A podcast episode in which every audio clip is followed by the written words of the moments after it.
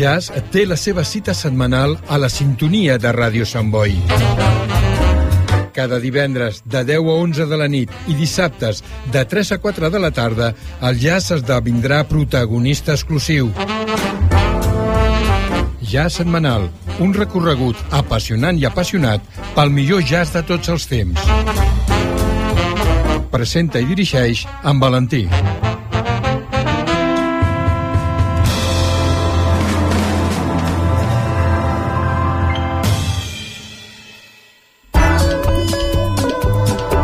Escoltar Ràdio Sant Boi en directe per internet és molt fàcil. Entra al nostre web radiosantboi.cat i clica l'opció en directe. També pots escoltar programes de dies anteriors amb l'opció podcast. Escoltar Ràdio Sant Boi allà on siguis és molt senzill des del web radiosantboi.cat. Ràdio Samboy. Ràdio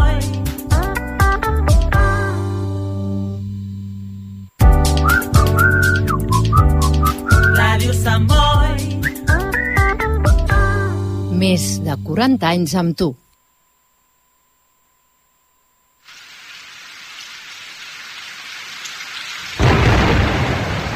Todo acto o voz genial viene del pueblo y va hacia él, de frente o transmitido. Con ustedes, el programa de integración cultural latinoamericana. Canto de amistad uniendo y hermanando pueblos y costumbres. El cancionero de confraternidad cuya música y letras llevan el mensaje de lo más noble y sagrado de sus emociones. Salutaciones cordiales Astimaxamix y con el cariño de siempre acompañándole de vuestro comunicador social, promotor cultural, el romántico viajero Marco Antonio Roldán, un corazón sin fronteras. Vamos todos juntos sobre el camino de la música.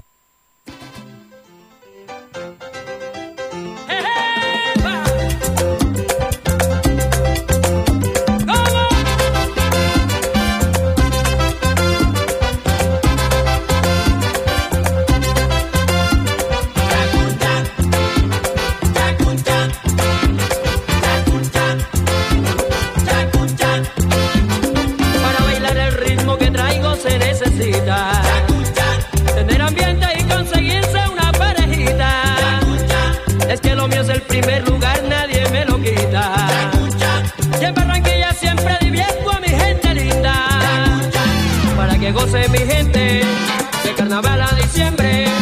Yo lo pongo a gozar con mi ritmo yacuncha. Para que goce Colombia este ritmo sabroso. Ay, yo le canto a mi gente para que baile este son.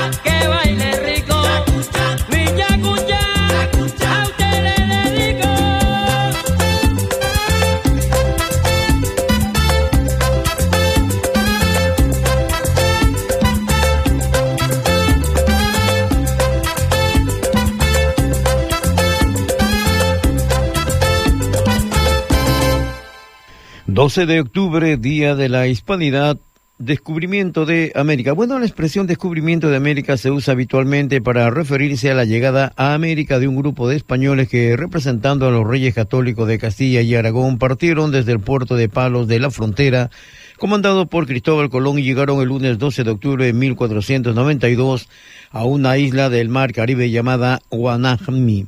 Se trata de uno de los momentos cumbre de la historia universal porque significó el encuentro de dos mundos que se habían desarrollado independientemente sin que ninguno conociera la existencia del otro. Cristóbal Colón creía que había llegado al continente asiático denominado por los europeos Indias y murió sin saber que había llegado a un continente desconocido por los europeos.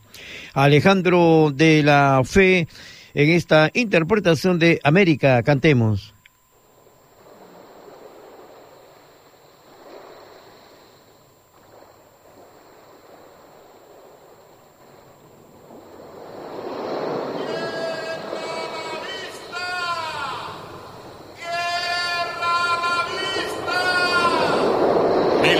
1492.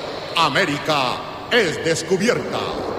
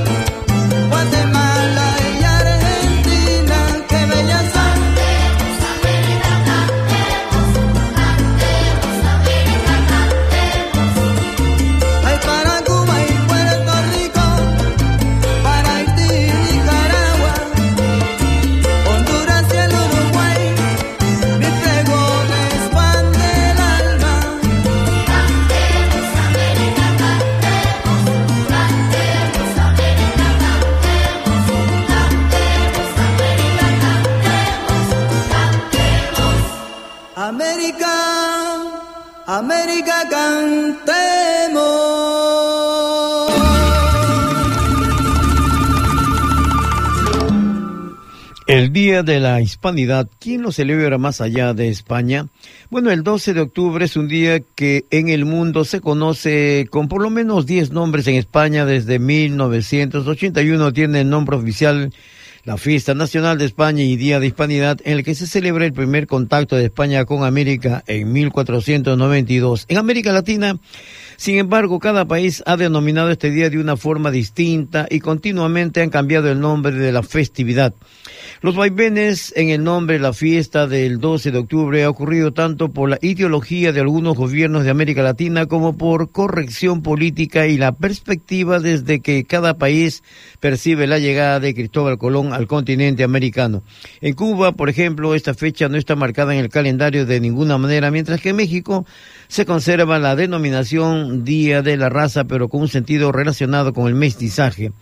Asimismo, también en Colombia, el Día de la Resistencia Indígena en Venezuela, Día de la Lengua Española en la Organización de las Naciones Unidas, Día del Descubrimiento de dos Mundos en Chile, Día del Respeto a la Diversidad Cultural, Día de las Américas en Uruguay, Día de Colón Estados Unidos, y por supuesto el Día de la Interculturalidad en Ecuador, Día de la Descolonización en Bolivia y Día de la Diversidad Cultural Americana en Argentina, Día de los Pueblos Originarios y del Diálogo Intercultural en Perú. La agrupación chilena Los Jaivas con esta canción Todos Americanos.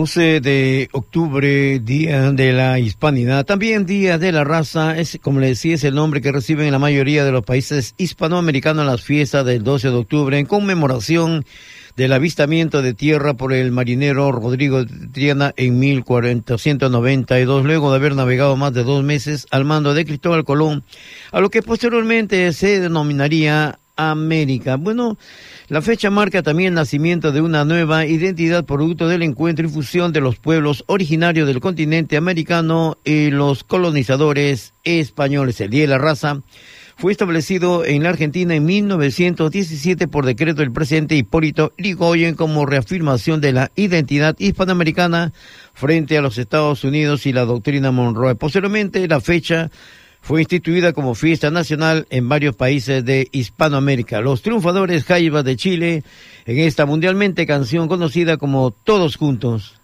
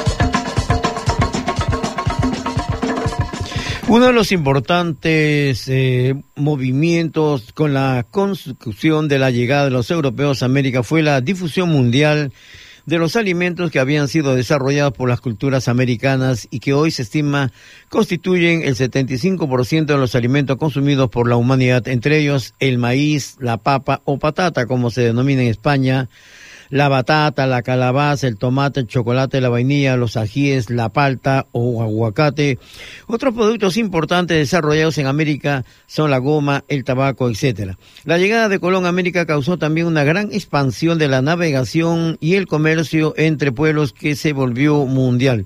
Los colonos ingleses en América terminaron organizando a partir de 1776 un nuevo tipo de sociedad a partir de entonces con numerosos conceptos como independencia, constitución, federalismo y dieron origen los Estados Unidos que en el siglo XX reemplazaría a Gran Bretaña como potencia mundial dominante.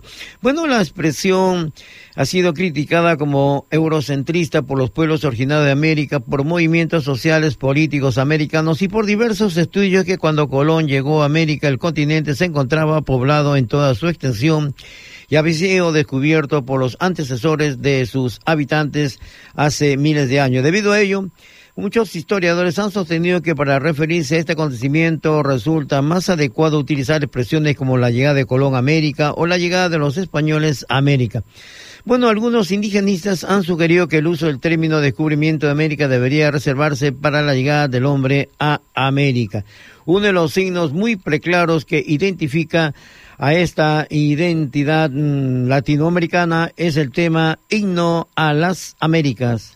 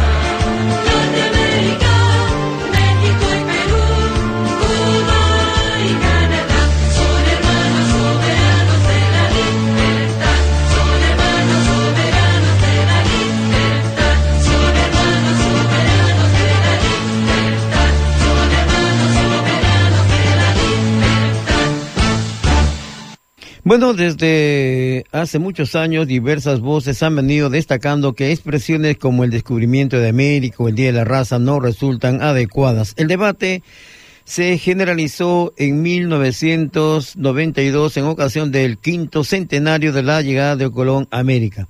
El filósofo argentino Santiago Kobodov dijo a este respecto, eh, por supuesto, Eh, ¿Cómo debería designarse lo sucedido? Descubrimiento, encuentro de culturas, usurpación, conquista, una gama de posibilidades e imposibilidades interpretativas se viene desplegando con fervor desde entonces hasta hoy.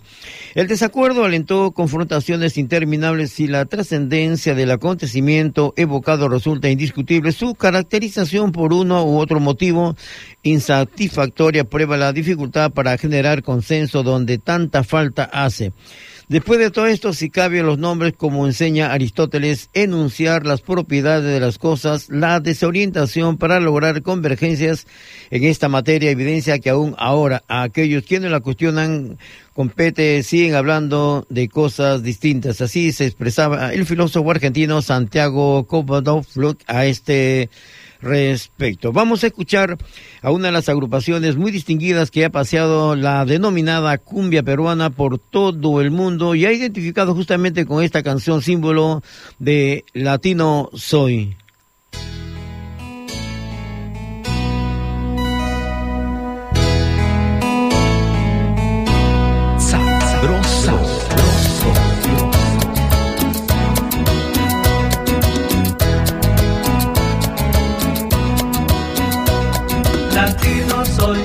yo soy.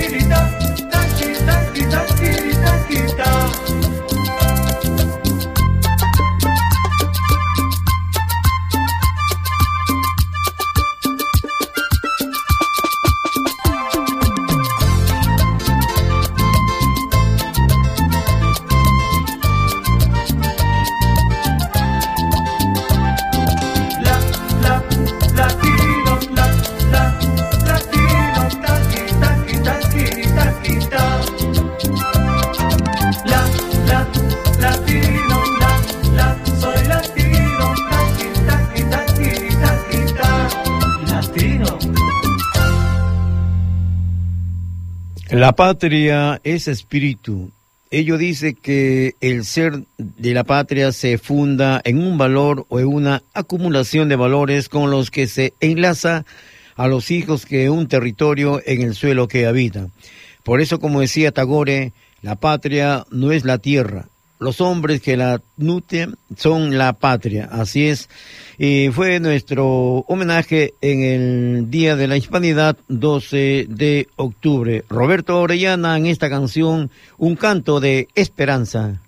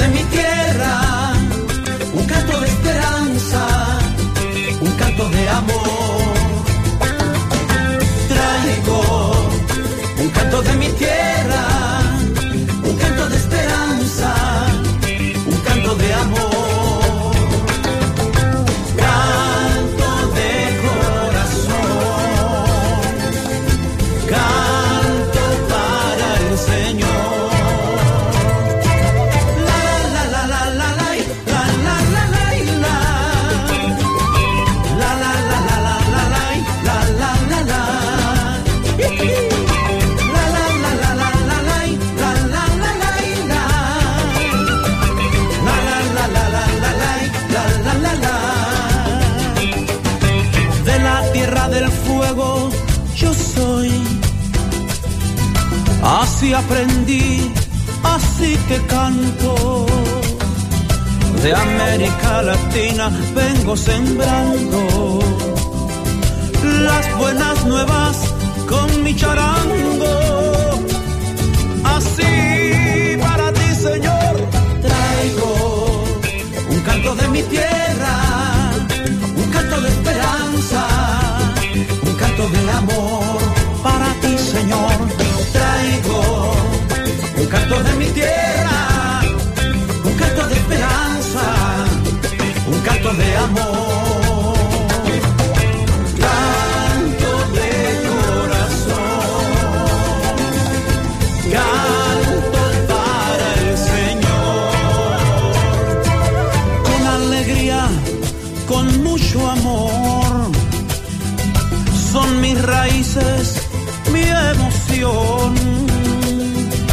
Traigo mi cultura, vengo del campo.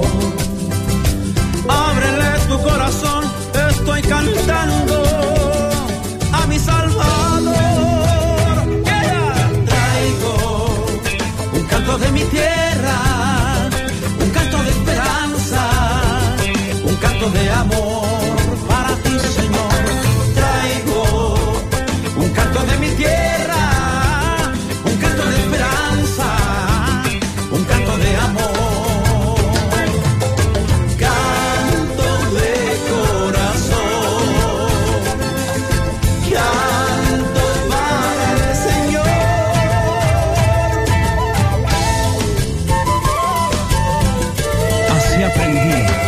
así te canto. Aquí está mi corazón, voy cantando. Siembra la buena semilla, estoy. Llegando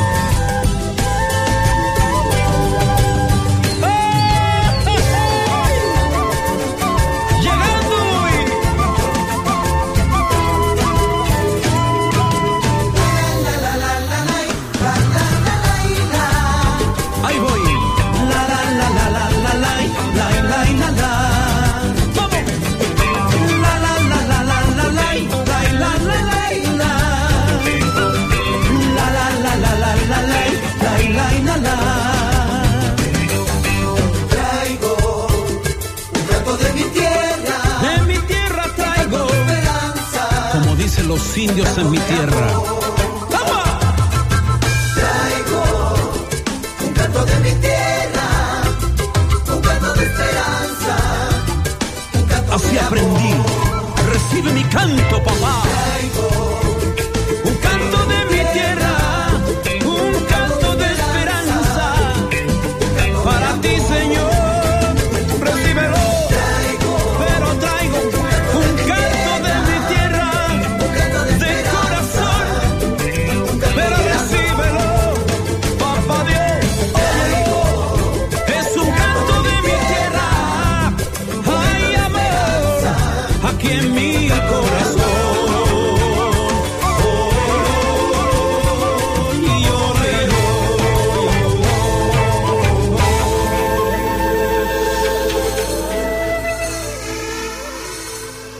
Estás en la sintonía de tu programa Un canto de amistad uniendo y hermanando pueblos y costumbres con el cariño de siempre, acompañándoles vuestro comunicador social, promotor cultural, el romántico viajero Marco Antonio Roldán, Un corazón sin fronteras. El mes de octubre en la ciudad de Lima, en todo el Perú y el mundo, eh, se celebra la festividad con fe y devoción al Señor de los Milagros, eh, la festividad religiosa más grande de América. Bueno, como les decía, la fiesta del Señor de los Milagros se celebra en este mes de octubre. Constituye esa gran festividad religiosa multitudinaria. Está claramente establecido que en el año 1651 un negro esclavo angoleño de la zona de Pachacamilla, llevado por un superior impulso, plasmó en una pared de adobes del local de su cofradía la sagrada efigie del Redentor crucificado para que patrocinara sus reuniones y le sirviese de guía. El mes morado en la ciudad de Lima y en distintas partes del mundo, toda la colonia peruana latinoamericana. Uno de los grandes exponentes de las décimas, justamente que ha paseado también por todo el mundo, es don Nicomedes eh, Santa Cruz, que llevó la cultura por distintos lugares con esa muestra de lo que representa la gran familia afroperuana. Aquí está el homenaje al Señor de los Milagros con Nicomedes Santa Cruz.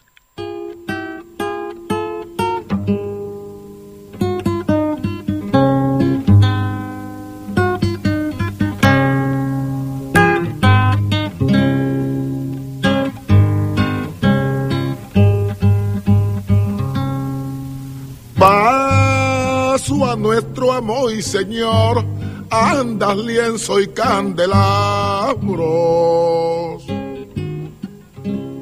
Paso a nuestro Salvador, el Señor de los milagros.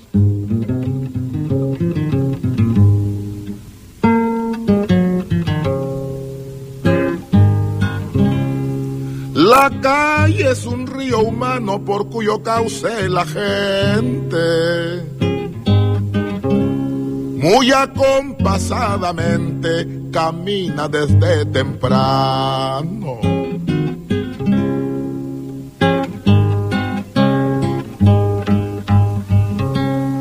Avancen, avance hermano, no estorben al cargador. Grita el capataz mayor que la cuadrilla comanda. Paso que vienen las andas, paso a nuestro amo y señor.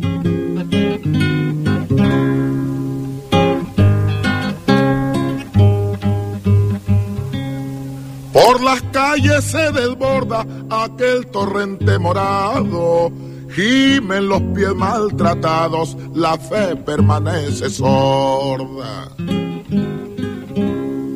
La multitud que lo aborda da marco al rey de los cuadros. Caídas y descalabros en aquella marmulata. Y cual velero de plata andas lienzo y candelabro.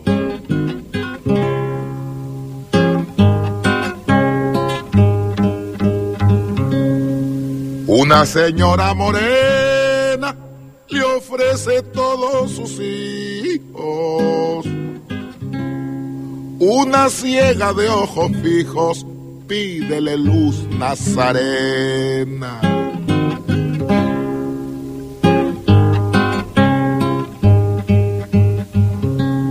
Azota una Magdalena su vil cuerpo pecador al paso del Redentor doblan triste las campanas.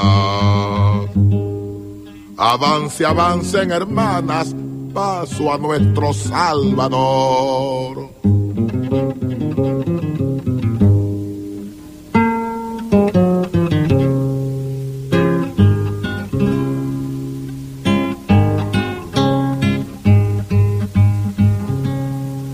Por el lienzo de Jesús, la tarde pinta una sombra. Sobre la frente se nombra señal de la Santa Cruz.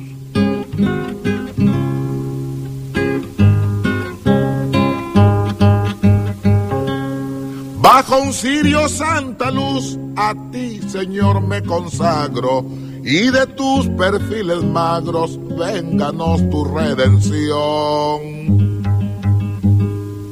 que nunca negó perdón el Señor de los milagros. Que nunca negó perdón el Señor de los milagros. La llegada de los esclavos negros al Perú se remonta a 1528, pero alrededor del año 1650 los negros angolas que trabajaban como esclavos en la zona de Pachacamilla se asociaron y levantaron su cofradía en dicho lugar. En una de las paredes de adobe de la cofradía, un esclavo negro natural de Angola y de nombre Benito o Pedro de Halcón dibujó la imagen de Cristo crucificado sin haber tenido estudios de pintura o conocimiento sobre el tema. Simplemente lo hizo por su inmensa devoción a Cristo. Cabe mencionar que la imagen fue hecha en una pared tosca y pintada cerca de una sequía de regadío. No tenía un acabado perfecto, pero era la pintura que los esclavos angolas adoraban en sus ratos libres y le atribuían varios milagros. El 13 de noviembre de 1655, cinco años después de haberse creado la cofradía alrededor de las dos de la tarde con 45 minutos, un fuerte terremoto azotó Lima y Callao. El desastre natural trajo consigo el derrumbe de mansiones, casonas, templos y dejó pérdidas humanas y numerosos damnificados. La cofradía estaba hecha de adobe y como era de esperarse, todas las paredes del recinto se derrumbaron menos una, la pared donde se dibujó a Cristo. Quedó intacta, sin ningún tipo de resquebrajamiento a pesar de ser una pared débil y, de, y sin mucha fuerza para soportar el violento telúrico terremoto, aunque la imagen intacta tras el terremoto reafirmó la creencia que el Cristo pintado por algunas autoridades de la Iglesia Católica no fue así. El párroco de la iglesia de San Sebastián, ubicada hoy en el cercado de Lima, José de Mena miró con malos ojos las reuniones que tenían los esclavos alrededor de la imagen e influyó mucho para prohibir las asambleas que tenían en la cofradía y dar la orden de borrar el Cristo. Luego de un largo proceso de permisos y aprobaciones se decidió borrar la cada vez más famosa imagen. Se estableció un comité para tal cometido conformado por el promotor fiscal del arzobispado José Lara y Galán, el notario Juan de Uría, un mentor indígena de nombre desconocido y el capitán de la guardia del virrey Pedro Balcázar, quienes en todo momento fueron escoltados por dos escuadras de soldados para mantener todo en calma en caso de disturbios. El primero en tratar de borrar la imagen fue el pintor, pero según cuentan los cronistas de la época, a la hora de subir las escaleras empezó a sentir temblores y escalofríos teniendo que ser atendido. Luego, en su segundo intento, su impresión al estar frente a la imagen fue tanta que bajó velozmente y se alejó con miedo a la pintura. Bueno, y el segundo hombre que se acercó a la imagen vio algo eh, en ella que simplemente hizo que se alejara sin siquiera intentar borrar a Cristo. Por último, el tercero en subir fue un soldado con una gran actitud más determinante, pero bajó de inmediato explicando que cuando estuvo frente al Señor de los Milagros, vio que la imagen se ponía más hermosa y la corona de espinas se tornaba color verde. Vamos a escuchar justamente la marcha de esta procesión inmensa que se realiza en la ciudad de Lima en homenaje al Señor de los Milagros.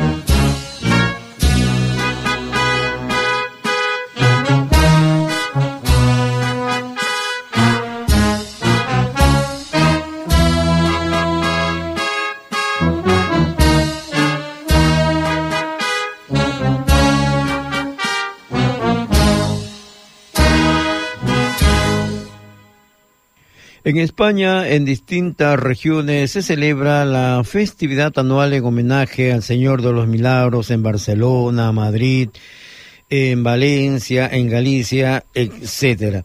Bueno, como les decía, otro hecho del Señor de los Milagros que sorprendió a muchos se dio el 20 de octubre de 1687. Ese día aconteció otro fuerte terremoto en Lima, Callao, a las 4 y 45 de la mañana, que según cuentan los cronistas españoles, duró cerca de 15 minutos. Al igual que la primera vez, la ermita quedó destruida, menos la parte donde se encontraba la imagen del Cristo crucificado. Una vez más quedó intacta y en pie. Bueno, este suceso dice que Sebastián de Antuñano, impulsor de la devoción del Cristo Moreno, ordena la confección de una copia al óleo y consiga el permiso para que la imagen saliera en andas por las calles de Pachacamilla. Cuando se terminó de hacer la copia, salió de inmediato en procesión. Uno de los primeros lugares que visitó fue el Hospital Santana, hoy conocido como Hospital Arzobispo Loaiza. Desde entonces, el Señor de los Milagros siempre visita fielmente dicho centro hospitalario en octubre para bendecir a los enfermos. En 1746, Lima volvió a sufrir otro devastador terremoto. Sin embargo, cuando la imagen del Señor de los Milagros salió en procesión a las calles, la tierra dejó de temblar. Este acontecimiento simplemente incrementó la fiesta y fe hacia el Cristo Moreno, nuestro Señor de los Milagros. Bueno, así a grandes rasgos les hemos detallado la obra maravillosa de fe del Señor de los Milagros y que justamente sale en procesión los días 18, 19 y 28 de octubre. El último recorrido lo realiza el 1 de noviembre, donde el Cristo de Pachacamilla sale del santuario de las Nazarenas y regresa al monasterio hasta el próximo año. El himno al Señor de los Milagros.